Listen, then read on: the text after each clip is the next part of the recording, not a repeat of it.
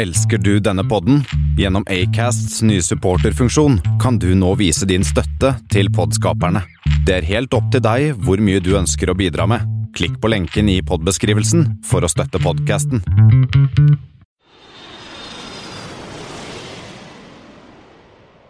Hei og velkommen om bord på flypoddens flight 009, som denne gangen tar oss til både Australia og Brasil.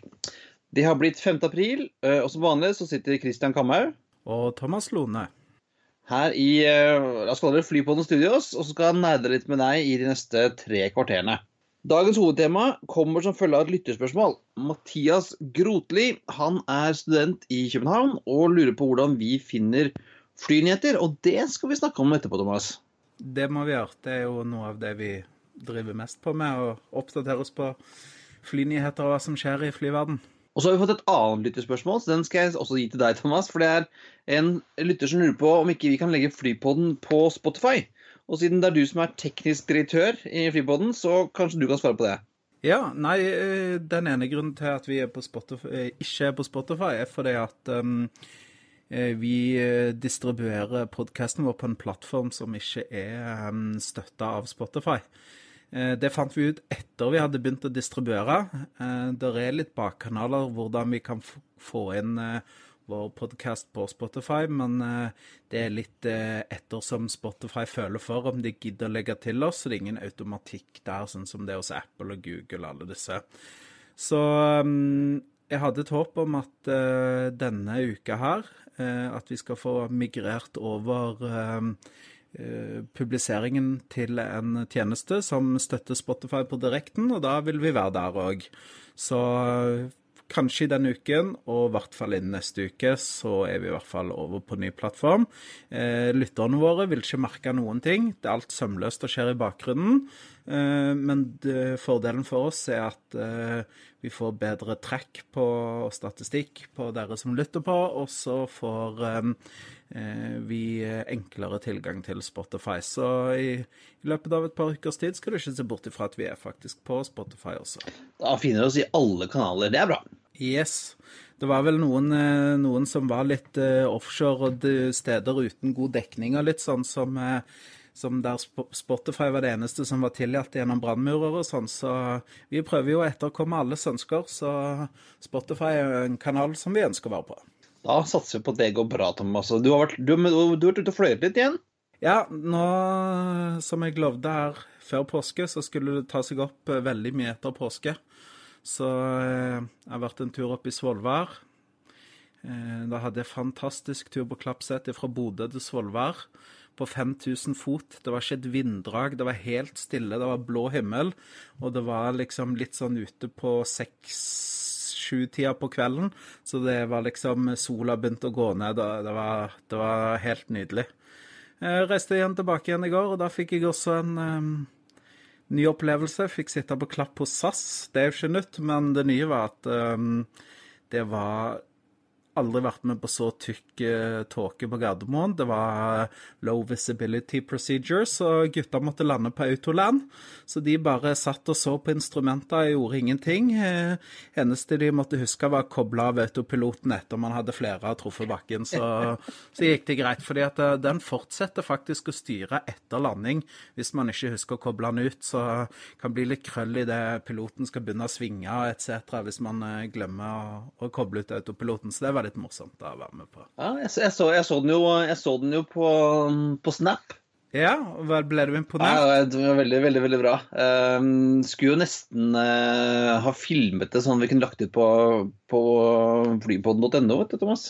Ja, jeg tror jeg skal begynne å spørre om tillatelse til det. Noen er litt eh, Det skjønner jeg òg, er litt sånn eh, Ikke ønsker at det skal være så tilgjengelig, men at det ikke skal deles offentlig. Så det er litt sånn jeg skal, hvis jeg merker at jeg får god kjemi med noen av de som er i, i eh, styrehuset, så skal jeg spørre. Så skal vi se om vi får lagt ut noe fra mine eskapader. Du får spondere på sånn bodycam på deg, Thomas. Ja. sånn i sånn knapphull på, på, på dressjakken. Nemlig. Og du, har du uh, vært noe på tur uh, Du var jo litt på tur før påske. Hvordan gikk det? Nei, Jeg har, sendte jo familien på påskefjellet eh, hele påsken, så da hadde jeg muligheten til liksom å eh, ta en ordentlig tur, da. Når jeg først eh, ikke hadde noen hjemme som skulle ha mat eller eh, kos. Så da tok jeg og dro først til Stockholm og hadde en, en eh, dag ved hovedkontoret. Og så reiste jeg til Milano for å besøke kontoret vårt der. Da fløy jeg SAS eh, og Lufthansa via Frankfurt og um, til Linate, Milano. Eh, veldig kjekk flyplass, sånn eh, kort til byen. altså De tok 20 minutter med taxi inn, og det var ikke store pengene. Eh, når jeg skulle betale, så hadde jeg, hadde jeg bare en 50 euro. Så spør hun, spør hun av meg som, om det var greit, og hun bare sånn, å, cash liksom. Så sier jeg ja, men eh, hvor mye skal du ha? Eh, ja, hvor mye, vil du, mye vil du betale? Så sa jeg 25, da.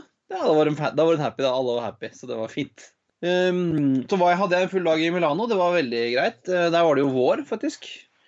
Eh, Så deilig, ja, da. og så var jeg tilbake igjen eh, fra Malpensa. Det er morsomt at Lufthansa flyr både til Lenate og Malpensa. Av en eller annen Jeg lurer på hvorfor de, hvorfor de deler opp operasjonen sin sånn som det. Det kan jo ikke være billigere, i hvert fall. Nei, men altså, jeg tror det er veldig positivt å fly inn til Lenate, for det er så kort vei til byen. da. Men ja, vet ikke. Uansett, det virker som at uh, Malpensa er den største flyplassen. Og jeg kom inn der, så sto det sånn skilt 'Aviation Museum' eh, under skiltet hvor det sto Terminal 1. Jeg synes at det var litt ufint å kalle det et flymuseum, men eh, det er jo en gammel Det er ikke akkurat den mest moderne terminalen i Europa, må jeg si. Nei, riktig. Jeg har ikke vært der sjøl, så jeg, eh, jeg har ikke sett den. Men, eh, og da skal jeg da fly eh, Malpensa, München, Oslo med Lufthansa hele veien. Og da oppdaget jeg noe nytt som jeg ikke hadde oppdaget før. Um, og det var at når jeg hadde sjekka bagasjen, så fikk jeg bagasjekvitteringen på e-post med en gang etterpå. For vanligvis så får du den der, den der lille slutten av, av bagasjedagen, er jo kvitteringen din. Eh, og den må du passe på. I tilfelle de roter bort bagasjen din, så må du ha den for å kunne etterlyse den. Og nå fikk jeg altså da, og den er jeg alltid livredd for å miste, Eh, men nå fikk jeg eh, fra Lufthansa bagasjekvitteringen på e-post. Smart. Ja, så, så ja.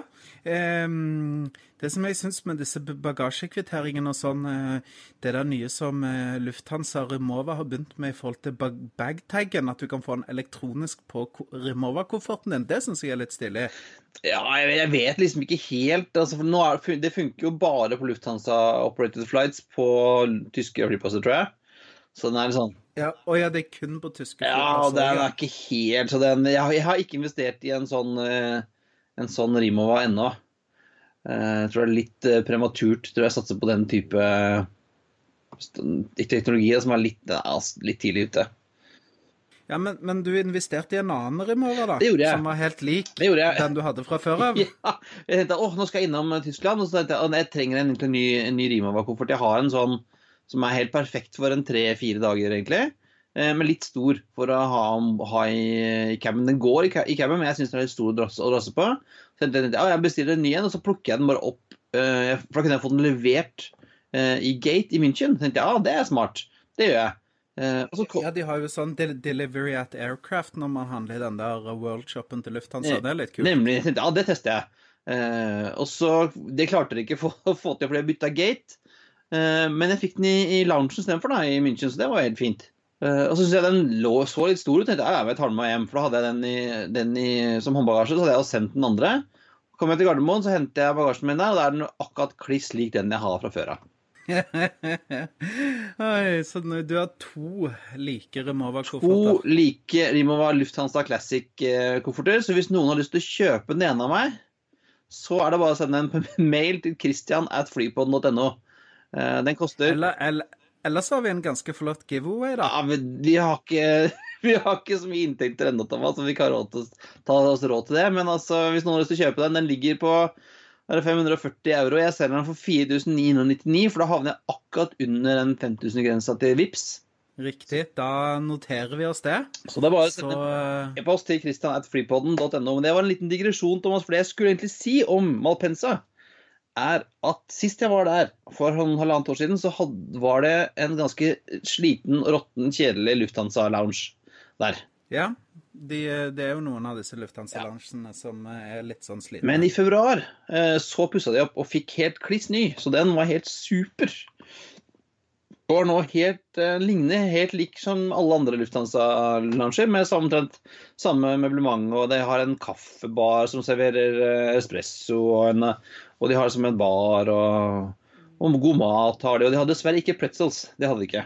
Nei, det var det jeg skulle spørre om. Hadde de pretzels? Nei. For det pleier jeg alltid å ta. Men jeg momsa tre stykker av dem men jeg kom til München, da, så de, jeg tror jeg fikk dekka pretzelsbehovet. En Ja. god tur.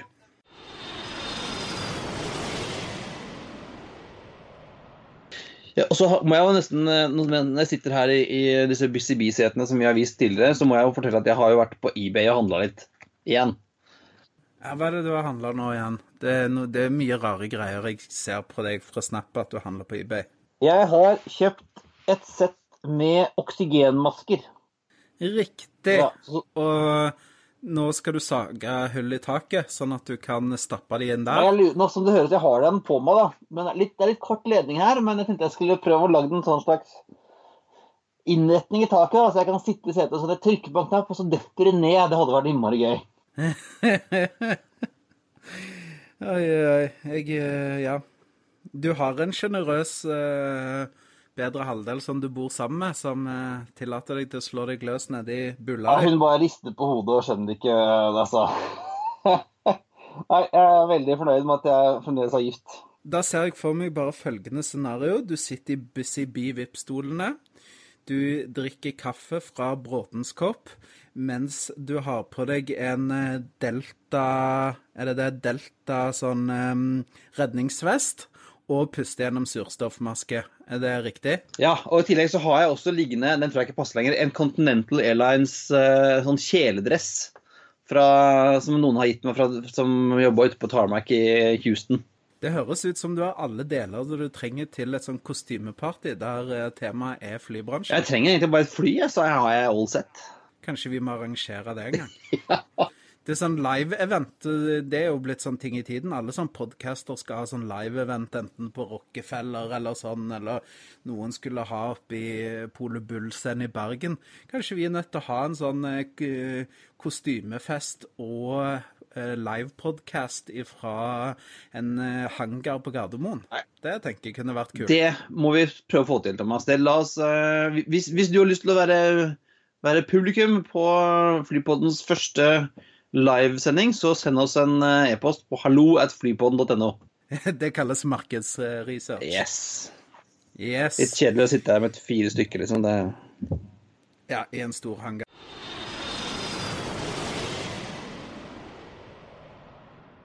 Men det har skjedd litt flynyheter denne uka, Thomas. Ja, eh, våre små grønne venner er ikke verken så små, eller de er kanskje enda grønnere. Eh, for de har fått seg eh, overtatt sitt første jetfly, har videre flybeselskapet gjort. Eh, og det har jo blitt eh, benhørlig markert i sosiale medier. Jeg ser eh, folk som jobber på fabrikken der nede, har dokumentert det. Og ja, det ligger en del filmer ute på YouTube osv. Så, videre. så eh, nå eh, ryktes jo at eh, overtakelsen gikk bra, hørte jeg. Og at maskinen setter nesa mot eh, nordover mot um, Norge eh, til neste uke. Og så settes den i trafikk. Den var det 24. april. 24. Ja, april mellom eh, Bergen og Tromsø. Og der er jo eh, selvfølgelig eh, 50% av flypodden representert. Ja, veldig, veldig bra. Dette- Vi gleder oss til en, eh, til en jungeljet spesial. Ja, det, det, skal, vi, det, det skal vi få til. Eh, så har jo eh, Qantas, de har vi jo snakka om før, og de er jo igjen aktuelle. Eh, de fikk en ganske heftig bot på 125 000 dollar for å ha fløyet passasjerer ulovlig internt i USA. Det er vel såkalt kabotasje. Eh, du eh, så litt på det, Christian. Hva, hva, er det, hva er det greia går i her? Ja, for de har eh, en flight nemlig som heter QF11, som går New York, LAX, Sydney. Ikke, og bytter da De bytter fly i LA, for i LA så er det også da direktefly ikke bare til Sydney, men til Melbourne og Brisbane også. Ja, Så man kan kjøpe gjennomgående billetter da fra New York til Melbourne eller til Brisbane eller til Sydney. med én stopp i LA. Ja, eh, og, og da flyr du faktisk, selv om alle amerikanske selskaper har kvitta seg med, med 747, så går du faktisk 747 eh, Jeg tror den går daglig mellom New York og LA. Eh, men med, med QF-kodenummer, og de kan ikke, de kan ikke kjøpe billett mellom JFK og, og, LAX. Du må være på vei ut eller inn for å kunne fly den ruta. da. Uh, og, ja, så det er, bare, det er en maskin kun med transferpacks, egentlig? Ja, stemmer. Ja. ja. Uh, den, jeg tror det er sånn at den som går, starter i JFK, går til LA, og så går den videre til Brisbane. Men alle, ja, alle går av, og så bytter de på og sånn fram og tilbake. og så er det sånn at De har da kun lov til å ta passasjerer som, på den fløyten som enten skal kommer inn eller kommer ut. da. Og de har nå fått bot fordi at, fordi at the, Uh, Department of Transportation, nei, DOJ, Department of Justice, mener at de har da fraktet passasjerer ulovlig. For det de har gjort, er å også, også ta med passasjerer som ikke flyr på QF-metall, men som skal til f.eks. til uh, um, New Zealand eller Tahiti med, med UA, som flyr på en QF uh, codeshare. Har de også tatt med på den flighten. Og det mener da amerikanerne at er forbudt. Ja, riktig. Så det, så det, er rett og slett så strengt at det er kun eget metall som man skal fly videre på. Egne fly. Ja. Man kan ikke fly videre på, på eh, andre flyselskaper, selv om det er en QF eh, flight code fra New York til Los Angeles og videre til Hawaii, f.eks. Ja, det stemmer. Hawaii hadde ikke gått, der, for det er domestic, men uh, det har vært ja, som, som Fiji ja. og New Zealand sånn forskjellig. Ja. Uh, og dette her stammer fra en regel fra 1959. Uh, og da fantes jo ikke codeshares, det var jo som ikke tenkt på. Det kom jo ikke som langt før ut på 80-tallet, codeshares, codeshares. Så Qantas mener at, at DOJ tolker denne regelen for strengt. Men de har sånn sagt at OK, vi tar boten, og så gjør vi det ikke mer. Nei, riktig. Men, det, så, men det, det, er jo litt samme sånn som f.eks. Air Canada, da.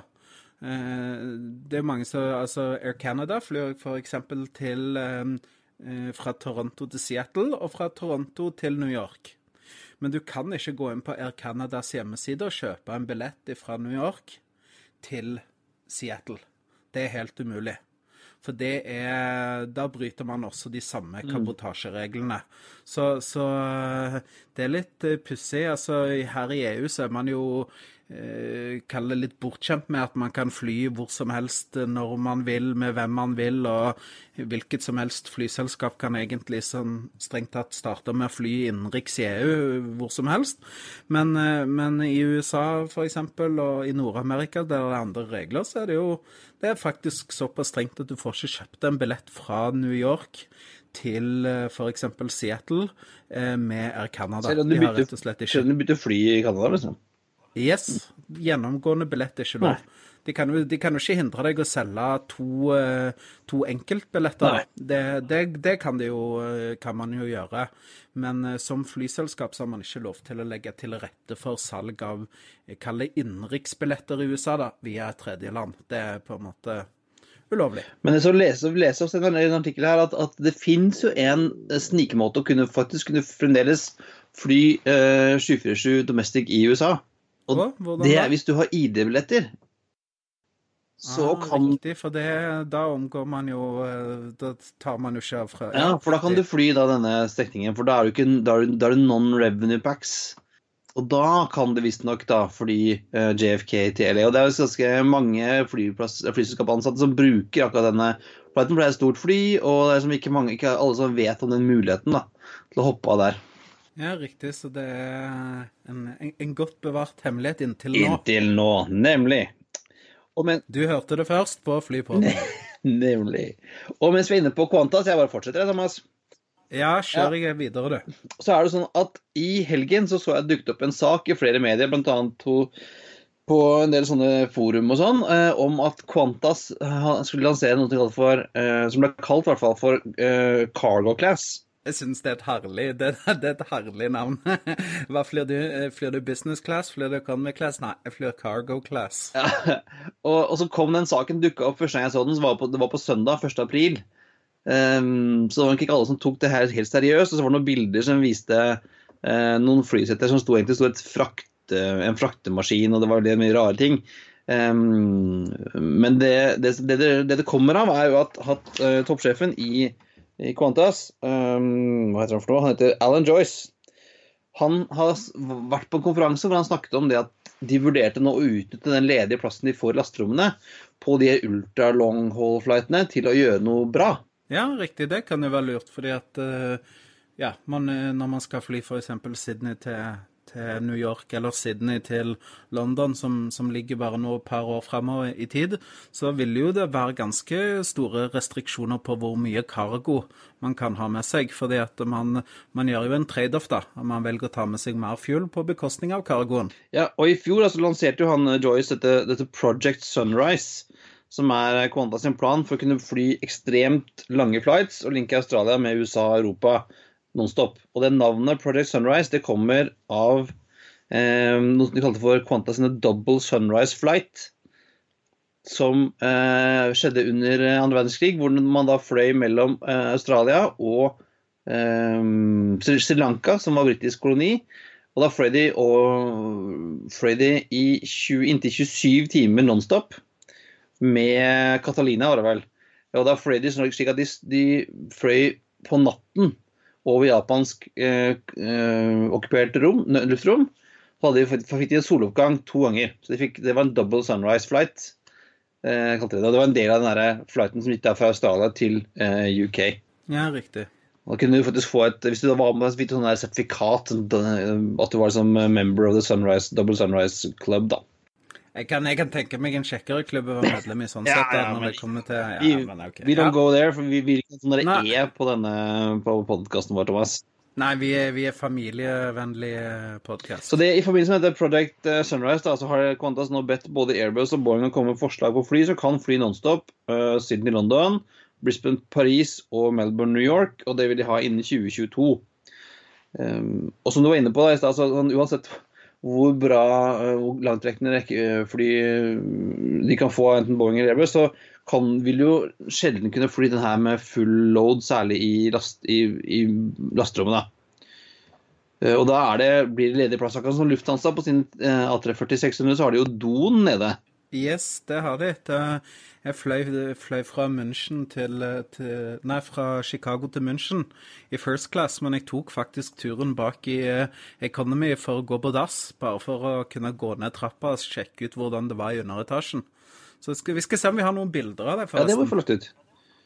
Yes. Ja, uh, og for da blir det sånn så Hvis du har ledig plass der nede, så går den ut den til noe smart, særlig for, for premiumpassasjerene. Altså det selv om alle har sånn fokusert på at det er cargo class og, og du får sånn, sitte nede i kjelleren der uten vinduer, så er jo ikke det som er planen. Planen er å kunne eh, f.eks. tilby eh, senger. Eh, eller eh, treningsrom, eller sånn bar lounge som man hadde på 747 oppe i annen etasje og, og på eh, Stratacruiser nede i kjelleren. Eh, og alle disse bildene som Airbus også kjørte opp når, når 380-en ble lansert, så hadde de sånn bilder av eh, folk med barer og butikker. Sånn. Det ble jo ikke noe av, for det utnyttet jo Dette ville jo da ta uh, plass fra seter. Mens nede i kjelleren her så er det jo ikke noen seter å ta plass av. Du kan ikke fylle de uansett, for du kan ikke fly med, med full uh, last. Så det er ha en eller annen utnyttelse av den, av den plassen der nede til noe som ikke veier så mye, smart. Ja, jeg, tenker, Og da kan man jo kanskje eh, men, men, det krever jo da at man eh, utvikler nye typer stoler og sånn òg. Men da trenger man jo strengt tatt Hvis man har en fast seng i cargoklasse nede, så kan man jo ha oppe eh, Kan man jo ha no, lage noen sinnssykt gode reclinere. Sant? Så man kan gjerne sitte i og, og spise og nyte en film og veldig gode stoler eh, men ikke som tar så mye plass. Mens eh, når man tenker at ja, nå er det på tide å ta kvelden, så trekker man ned i, eh, i lasterommet og tilbringer natten der. Og da kan du vel gjøre det som du snakket om i stad, Thomas, i tillegg? Ja, for eksempel. Så det så jeg, jeg tenker det kan jo være på en måte kanskje også være en mulighet for å maksimere eh, revenue, da. At man klarer kanskje å dytte inn noen ekstra stoler, f.eks. i business, fordi at man ikke er avhengig av den store reclinen og sånn, mot at man da har en egen eh, kall det sovekupé i kjelleren. Ja, det hadde vært, eh, det hadde vært strålende. Altså, som få lagt deg ned i senga der og, og dratt, dratt, for en gardin og vært, vært helt for seg selv. Altså. Det tror jeg hadde vært veldig fint. Ja, Særlig når du skal fly da en 17-18-19 timer i strekk, så fint å bare kunne få beveget deg på seg også. Bare komme godt ned litt og slappe av. Ja, kanskje hatt en, uh, hatt en uh, tre treningssykkel, en sånn ergometersykkel, spinningsykkel nedi der, eller et eller annet sånt. Det er sikkert du kunne gjort mye god gimmick av dette her. Så vi er veldig spent på hva som kommer ut av Project uh, Sunrise, i hvert fall. Ja, det antar jeg at vi får se når det nærmer seg 2022.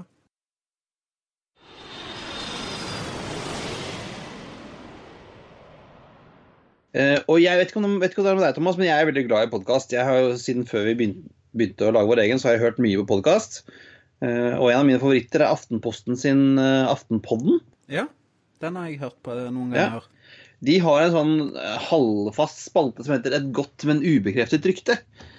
og det har jo vi også denne gangen, faktisk. Det har vi, vet du.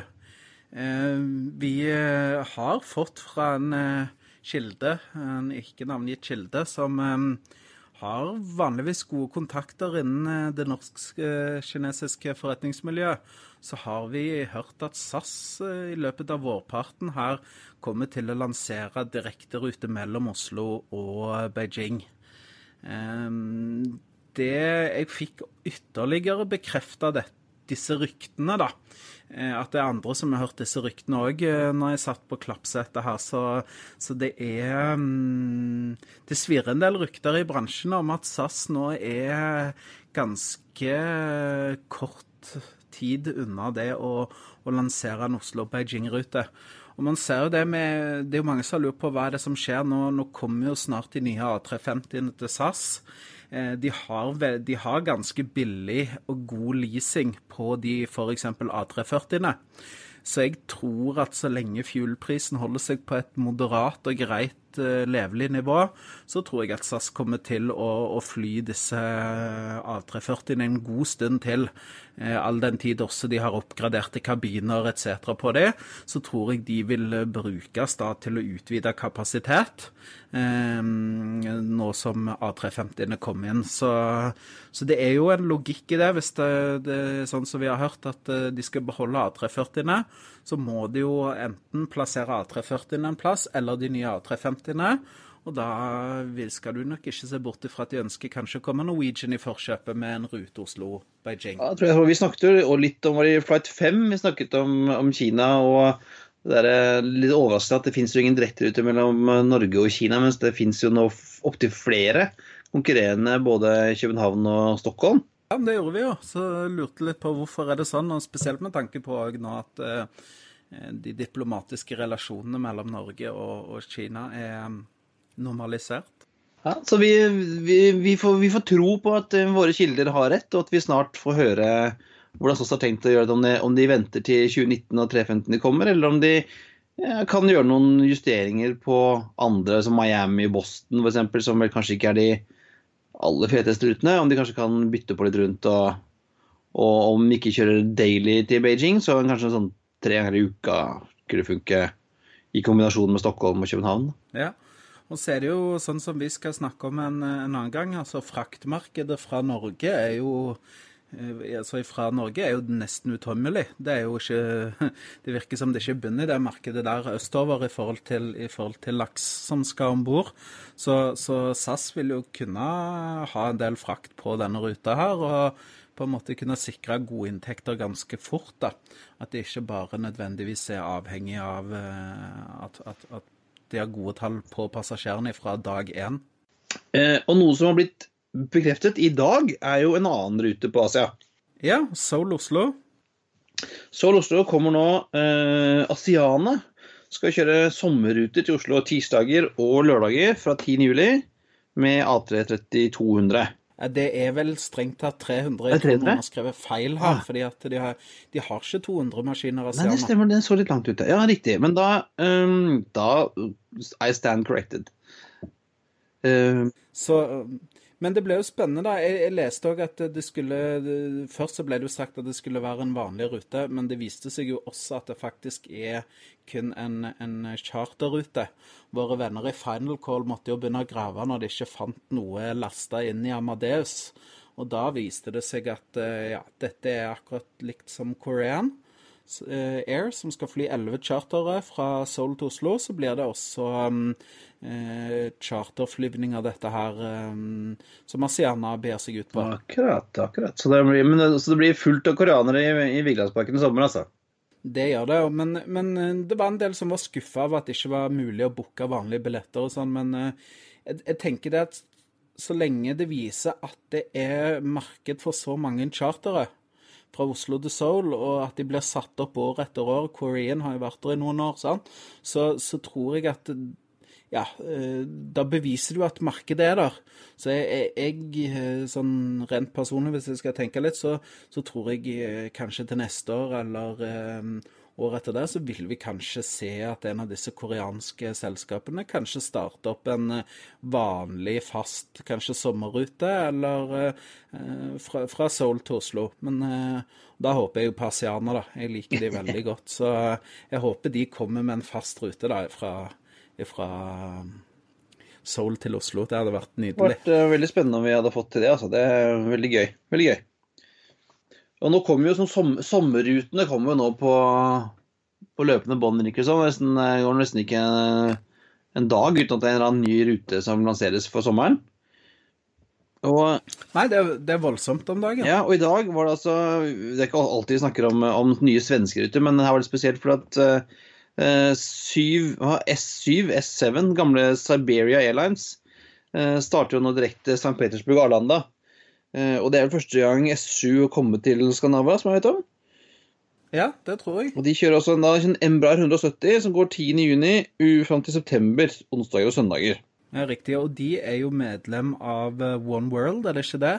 Så det er jo muligheter for de som er interessert i å tjene opp One World-poeng eller bruke bonuspoeng der, eh, f.eks. hvis de har samla British Airways eller andre, kan de også bruke de for å komme seg fra Arlanda til St. Petersburg. Så er det vel et eller annet sånn idrettsarrangement i, i, Russland i sommer, tror jeg?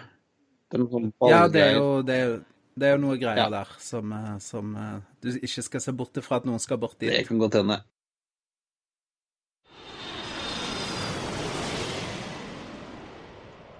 Men skal vi ta, ta dagens hovedtema, da, når vi skravla mye om mye annet rart, Thomas, men, eh, og, og, snakket om nyheter? Vi, altså, vi fikk et spørsmål fra han godeste Mathias i København. Han fortalte at han er business, eh, han studerer business i København og kan tenke seg å jobbe, begynne å jobbe i flybransjen etter hvert, og er interessert i det. Og da, Det minner meg om en, en historie jeg leste for litt siden. Husker, husker du Gordon Bethune? Ja. Det gjør jeg. Ja, Lyngården han var for de som ikke husker han, var da toppsjef i Continental Airlines på, ja, på 2000-tallet? 90-2000-tallet? ja, det var vel rett i overgangen ja. der. Eh, og han er texaner og stor i kjeften eh, og, og ganske, ganske, ganske, rett fram, kan man si, i måten han kommuniserte, men veldig populær i, i Continental. og jeg, jeg, jeg, må bare gi en liten digresjon. Har du lest uh, disse memoene fra Tiger Oil Company i, uh, som ble gitt ut Eller det var memoer som gikk ut uh, en gang på 70-tallet. Det var en sånn eksentrisk olje, um, oljemagnat som eide Tiger Oil Company, based in Texas.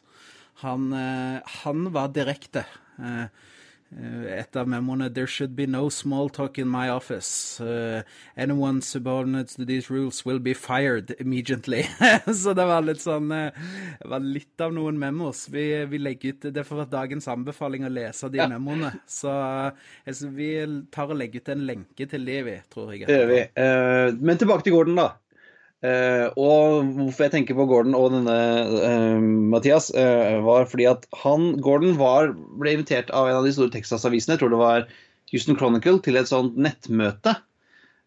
og da var det en businessstudent som skrev inn at han studerte business og ville gjerne begynne å jobbe i flybransjen, og lurte på om, om Gordon hadde noen tips. Ja, og så svarte han ja, først og fremst lobotomi. Ja, OK.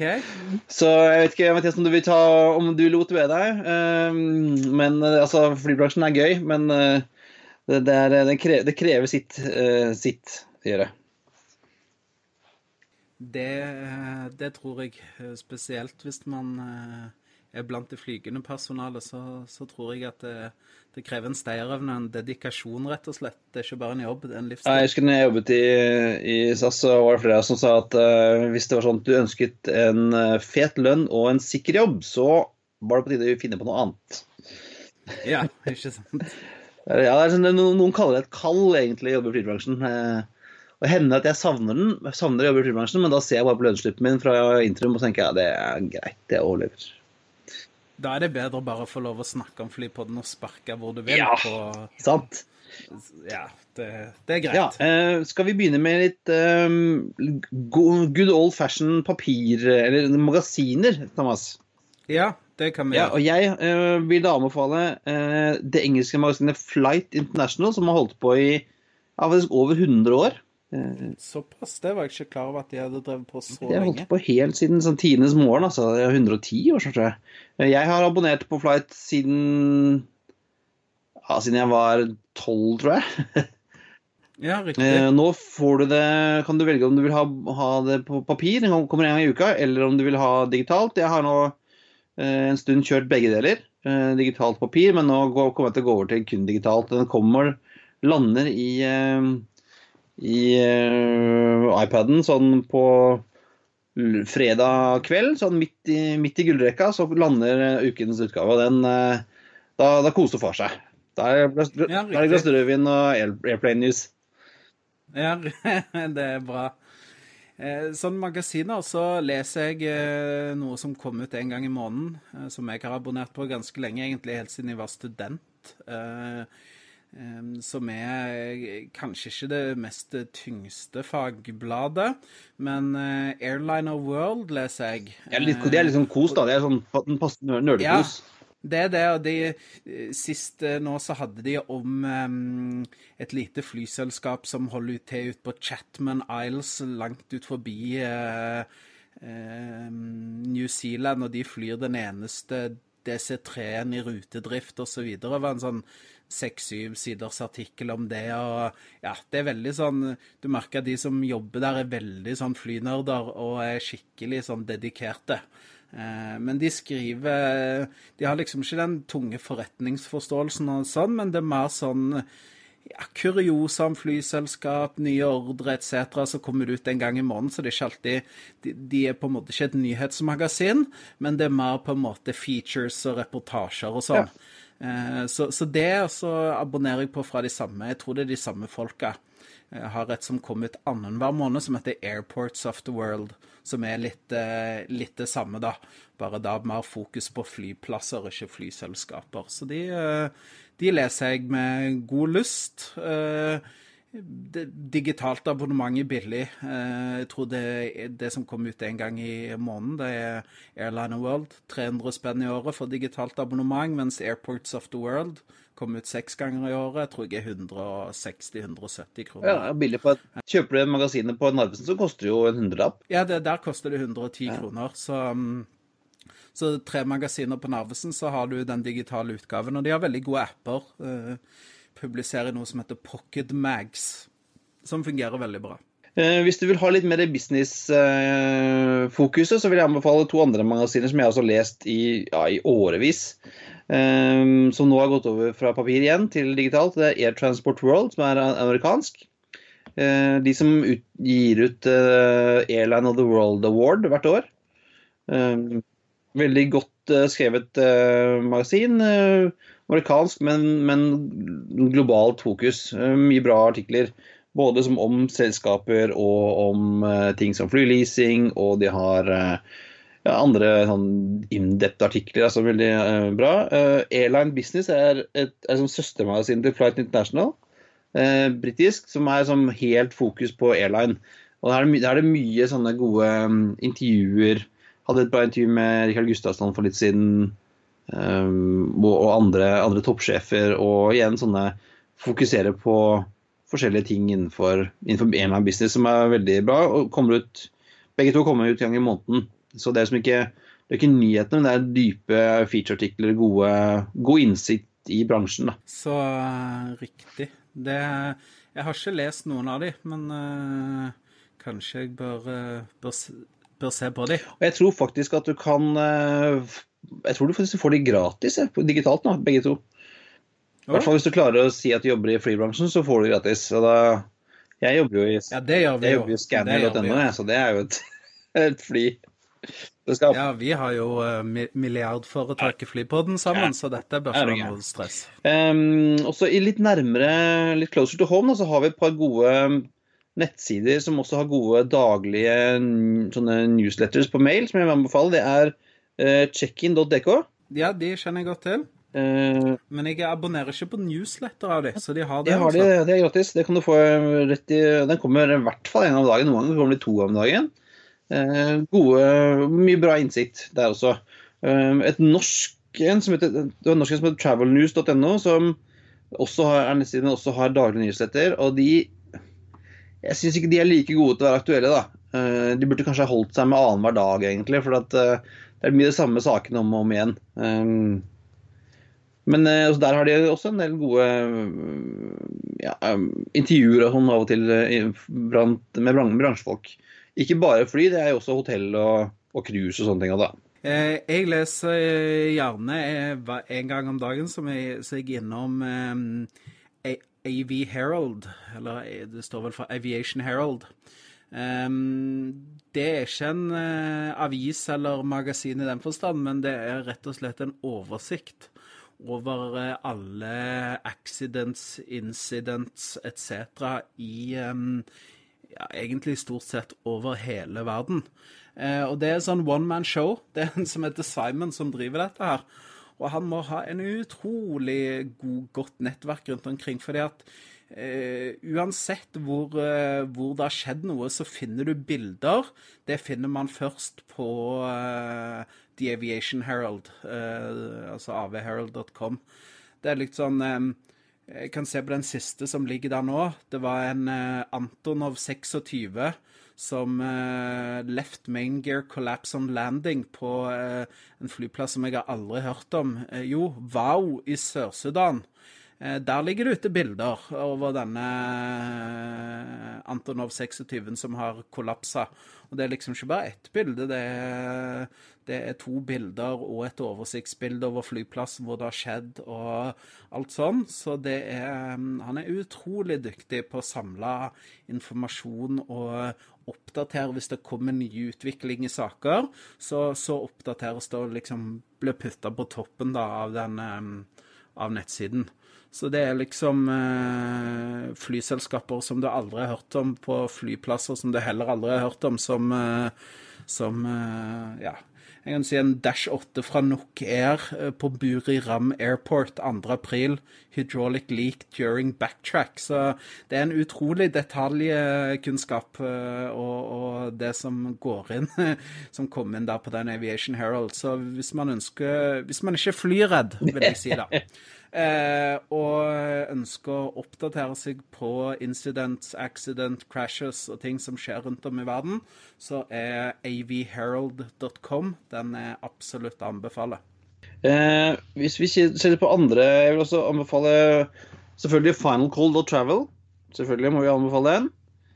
Ja, våre venner i, i, i, eh, her i Norge og Danmark. Yes. Eh, der er det jo mye om bra om hva som skjer innenfor eh, ja, Det er vel sånne bonusprogrammer, og- men også litt sånn rute, nye ruter og nye fly og litt sånn. Uh, og så vil jeg anbefale flysmart24.no, som vi har snakket om før. Ja, det er jo vår venn uh... Knut Erik Micaelsen. han burde vi nesten få som gjest en dag, altså. Ja, han snakker jeg godt med. Han er utrolig hyggelig fyr. Veldig fin fyr. Så han, han må vi få med en dag. Det tror jeg han er med på. Eh, og når jeg jobbet, som, eh, som PR-rådgiver, så hadde, hadde vi liksom de gode reise- og luftfartsjournalistene hadde jo noen på speed dial. For at vi eh, det, var ikke så mange av dem. Vi vet hvem de er. Du hadde Jan Ovin i VG, f.eks. Um, du har han uh, Marius Lorentzen i, i E24. Og ikke minst eh, Jacob Trumpy i eh, DN. Er jo eh, veldig kunnskapsrike folk som, som, kjenner, som kan bransjen. Du, du kan se forskjeller på en, en nyhetsartikkel skrevet i en av mediene av en av de gutta, eller om det er skrevet av en eller annen som ikke aner hva, hva, hva den bransjen er. Ja. Og Michaelsen er jo en av de som eh, er den kategorien som vet hva han skriver om, vil jeg påstå. Yes. Eh, da tror jeg vi har som eh, vi, må komme, vi, må komme, vi må videre i sendingen, som det heter. Jeg, jeg vil bare nevne én siste. Ja. Og det er den som jeg kanskje syns er best, som jeg liker mest når jeg skal følge bransjen. Den har én liten flå. Det at det er, syns jeg, det er jævlig dyrt hvis man skal ha Unnskyld språket mitt. Hvis man skal ha tilgang til uh, De har mye gratis innhold, men så er det en del interessant kall det premiuminnhold altså jeg har veldig lyst til å lese. Uh, det er lihamnews.com. Det er der, Og der er det veldig fokus på bransjen. man finner nå typisk i dag artikler som Indias Airlines order huge number of airplanes. Operational cost of a long haul LCC. Is long haul LCC viable? Etc. etc. De har skrevet mye også om denne eh, middle of the market-maskinen og den type ting. Og Det er to, eh, to, stykker. En som heter Scott Hamilton, som er um, redaktør. Og så har han en eh, en kollega som heter Bjørn Ferm. Han er ana analytiker og, og, gjør mye av disse tekniske analysene for Leham News. Og han eh, har, som det står på nettsiden òg, han har faktisk fire eh, eier fire patenter innenfor eh, aviation og aeronautics. Og han er faktisk en av fire luftfartsjournalister som har fått lov til å faktisk fly A350-900 og gi en eh, holdt jeg på å si, eh, produkttest av A350-900 fra pilotsetet. Så det er utrolig kunnskapsrike eh, folk som, som driver denne Liham News. Absolutt anbefaler. Men eh, det koster noen tusenlapper i året hvis man skal ha tilgang til, eh, til premiumstoffet. Så det er på en måte ikke derfor Bakgrunnskunnskap, de er perfect. Eh, de har jobbet på Wiggen og Greepen-programmene, og de er helt rå, disse folka. Men de tar seg godt betalt for sin kunnskap, da. Så det, det skal de jo. Man skal det. Det. var det vi hadde å by på i dag. Gå gjerne inn på flypodden.no for å finne lenker til det vi har snakket om i dag. Eh, ikke glem å abonnere på Flypodden i iTunes. Gi oss gjerne en eh, rating, fin rating, hvis du liker det du hører. Ja, og jeg har jo faktisk, vi har jo sagt at vi skal lese de uh, anmeldelsene jeg har fått på, på, på iTunes. Ja, har vi fått uh, Jeg er jo ikke en sånn iTunes-mann, så jeg er ikke inne og leser disse ratingene. Nei, vi har fått tre nye. Oi! Spennende. Skal vi se. Her står det, altså jeg leser uh, Skal vi se De tre nye vi har fått, uh, bl.a. fra Sindre Holme, fra en, en friend of the pod. Og programleder i Nilkast, der hvor jeg var sånn gjesteprogramleder før påske. Det var vel han som sa at en podkast aldri kan bli for smal. Ja, nemlig. Og han uh, gir oss fem stjerner og sier uh, beviser at podkast er et suverent format for nisjer kunnskapsrik duo takk skal du ha, Sindre, som byr på ny og overraskende innsikt om et fascinerende bransje. Tusen takk, Sindre. Eh, og så har Sølvpilen50 skrevet variert innhold, interessant å høre på, og gitt oss fem stjerner. Tusen takk, Sølvpilen. Og så sistemann er Fingster eh, 2004, som ga oss fem stjerner og skriver eh, veldig bra jobba, stå på og ikke slutt. Så deilig å gå hjem fra skolen og høre på dere to. Hilsen Augik. Koselig. Herlig. Og det viser at vi da spenner fra folk som går på skole, og så kanskje er Sølvpilen 50, kanskje Sølvpilen 50 er født i 1950, eller kanskje er vedkommende 50 år. Så det viser at vi, eh, vi favner bredt. Nemlig. Og du finner oss som sagt på Twitter på atfreepoden, på facebook.com slash freepoden, og har du tips eller spørsmål, vil du være gjest eller sponse oss, eller eh, være gjest på livepoden, så er det bare å sende oss en mail på hallo Takk for nå, og eh, velkommen om bord neste og uke. Og da skal vi til Torp. We thank you for flying with us today. We truly appreciate your business and look forward to serving you on a future flight.